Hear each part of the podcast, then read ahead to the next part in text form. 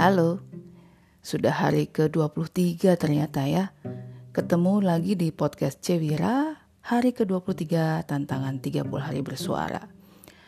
Tinggal seminggu lagi, udah selesai deh tantangan 30 hari bersuara. Gak terasa kalau udah dijalanin.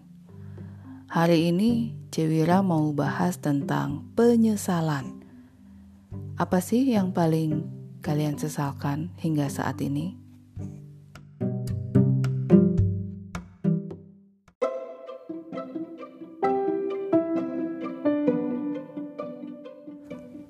Penyesalan itu datangnya belakangan.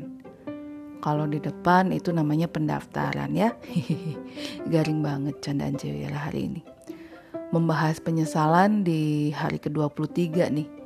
Saya jadi langsung mundur ke masa kuliah dulu di Fakultas Psikologi Universitas Kristen Maranatha Bandung. Pertengahan tahun 90-an gitu deh salah satu mata kuliah yang saya suka, mata kuliah psikiatri. Dosennya tuh Dokter Budi. Beliau dari Fakultas Kedokteran. Dan Dokter Budi, psikiater Budi pernah bilang, hidup bahagia adalah hidup tanpa penyesalan. Wah, keren banget ya. Tapi ya berat juga ya. Masa bisa sih Apalagi kita selama hidup kan pastinya ada aja bikin kesalahan yang kemudian disesali. Nah terus dokter Budi lanjutkan lagi nih. Penyesalan itu membuat energi kita terkuras. Penyesalan itu juga kondisi pikiran yang dipenuhi ketidakpuasan dan kelekatan, jadi penderitaan gitu. Tidak puas atau tidak suka dengan apa yang telah dilakukan, dan kelekatan tuh karena keinginan untuk tidak mengalami apa yang dialami saat kondisi menyesal itu muncul. Artinya batin jadi menderita saat merasakan penyesalan, terutama penyesalan yang mendalam dan berkepanjangan. Nah, terus gimana dong? Saat kita melakukan kesalahan, kalau nggak menyesal kan bahaya. Dokter Budi melanjutkan lagi, ketika kita melakukan kesalahan, daripada sibuk menyesal, lebih baik kita belajar memaafkan diri kita dan bertekad tidak mengulangi kesalahan yang sama. Itu adalah bentuk yang lebih baik daripada hanya sekedar penyesalan aja. Nah, kalau dulu tuh saya manggut-manggut aja, kayaknya sih sudah paham. Padahal bertahun-tahun, tahun, tahun, tahun, tahun, tahun kemudian saya baru sadar bahwa ternyata saya belum paham betul apa maksudnya. Sampai saya mengalami sendiri. Penyesalan itu biasanya karena ada perasaan bersalah. Dan kondisi ini sangat menghabiskan energi kita dan juga energi orang-orang di sekitar kita.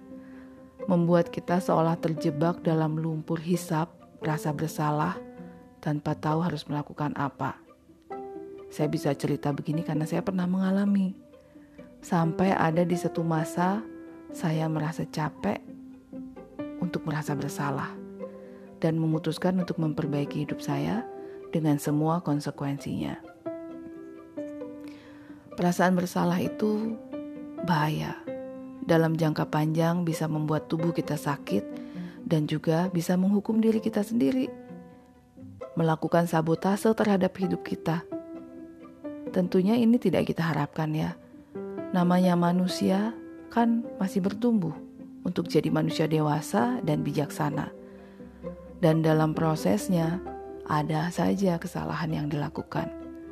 Dan pastinya jika belajar dari kesalahan itu justru membuat kita jadi lebih dewasa dan lebih bijaksana. Tapi prosesnya nggak segampang itu Ferguso. Ketika kita diliputi perasaan menyesal, perasaan bersalah, sangat sulit untuk melihat hal lain. Karena perasaan menyesal ini begitu besar dan kuat dan menyelimuti diri kita sehingga tidak mampu lagi keluar dari situasi ini.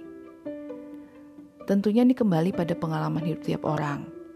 Ada yang bisa cepat selesai, ada yang butuh waktu seperti saya, ada juga yang perlu dibantu untuk bisa keluar dari penyesalannya. ada juga yang gak mau keluar dari penyesalannya. Karena itu sebagai bentuk dari penghukuman dirinya. Dan dari pengalaman diri sendiri, perlu waktu sampai saya bisa memaafkan diri sendiri, memaafkan kebodohan yang saya lakukan yang membuat diri sendiri rugi dan orang di sekitar rugi, memaafkan ketidakmampuan melihat kekotoran batin saya, dan memaafkan ketidaksungguhan saya dalam berlatih mengamati batin sendiri. Saya sering mengatakan, kesombongan adalah awal dari keruntuhan, dan akhirnya saya mengalaminya. Karena ngomongnya cuma sekedar ngomong, tapi nggak dipakai untuk introspeksi diri, untuk refleksi diri. Dan uniknya, ketika saya bisa memaafkan diri sendiri, saya juga memaafkan orang lain dan situasi yang tadinya saya anggap menyakiti saya. Karena semua itu kembali adalah ke persepsi kita. Tapi, memaafkan itu artinya kita mulai sembuh. Memaafkan itu artinya kita bebas. Memaafkan itu bukan berarti kita melupakan kejadiannya, tapi justru menjadikan kejadian itu pembelajaran hidup sehingga kita lebih dewasa lebih bijaksana dalam mengambil keputusan. Singkat cerita, benar pesan Dr. Budiarto Sidarta. Jangan sibuk menyesali apa yang sudah berlalu karena nggak bisa diapa-apain. Tapi berupaya untuk memaafkan kebodohan diri sendiri pada waktu melakukan kesalahan tersebut dan tidak mengulangi kesalahan yang sama. Jika ada kesalahan lagi, introspeksi diri dan perbaiki. Dan juga latihan terus-menerus mengamati ke dalam diri supaya tahu nih kapan si kekotoran batin muncul. Sehingga kita bisa melindungi diri kita dengan penuh perhatian setiap saat. Setiap saat. Tidak mudah, tapi tidak ada jalan lain. Apalagi kan cita-cita saya adalah mati dengan tenang, mati tanpa penyesalan. Berarti latihannya juga mesti serius. Padahal latihannya sederhana banget loh. Bahasa kerennya stay in present moment. Latihan untuk penuh perhatian setiap saat. Sadar setiap saat. Wih, semoga informasi yang saya ceritakan atau saya sampaikan di podcast Cewira tentang penyesalan ini bermanfaat buat kita semua Semakin hari dalam segala hal kita semakin baik dan semakin baik. Cewira tidak pernah menyesal menyayangi kalian semua. Cewira sayang kalian semua. Dadah.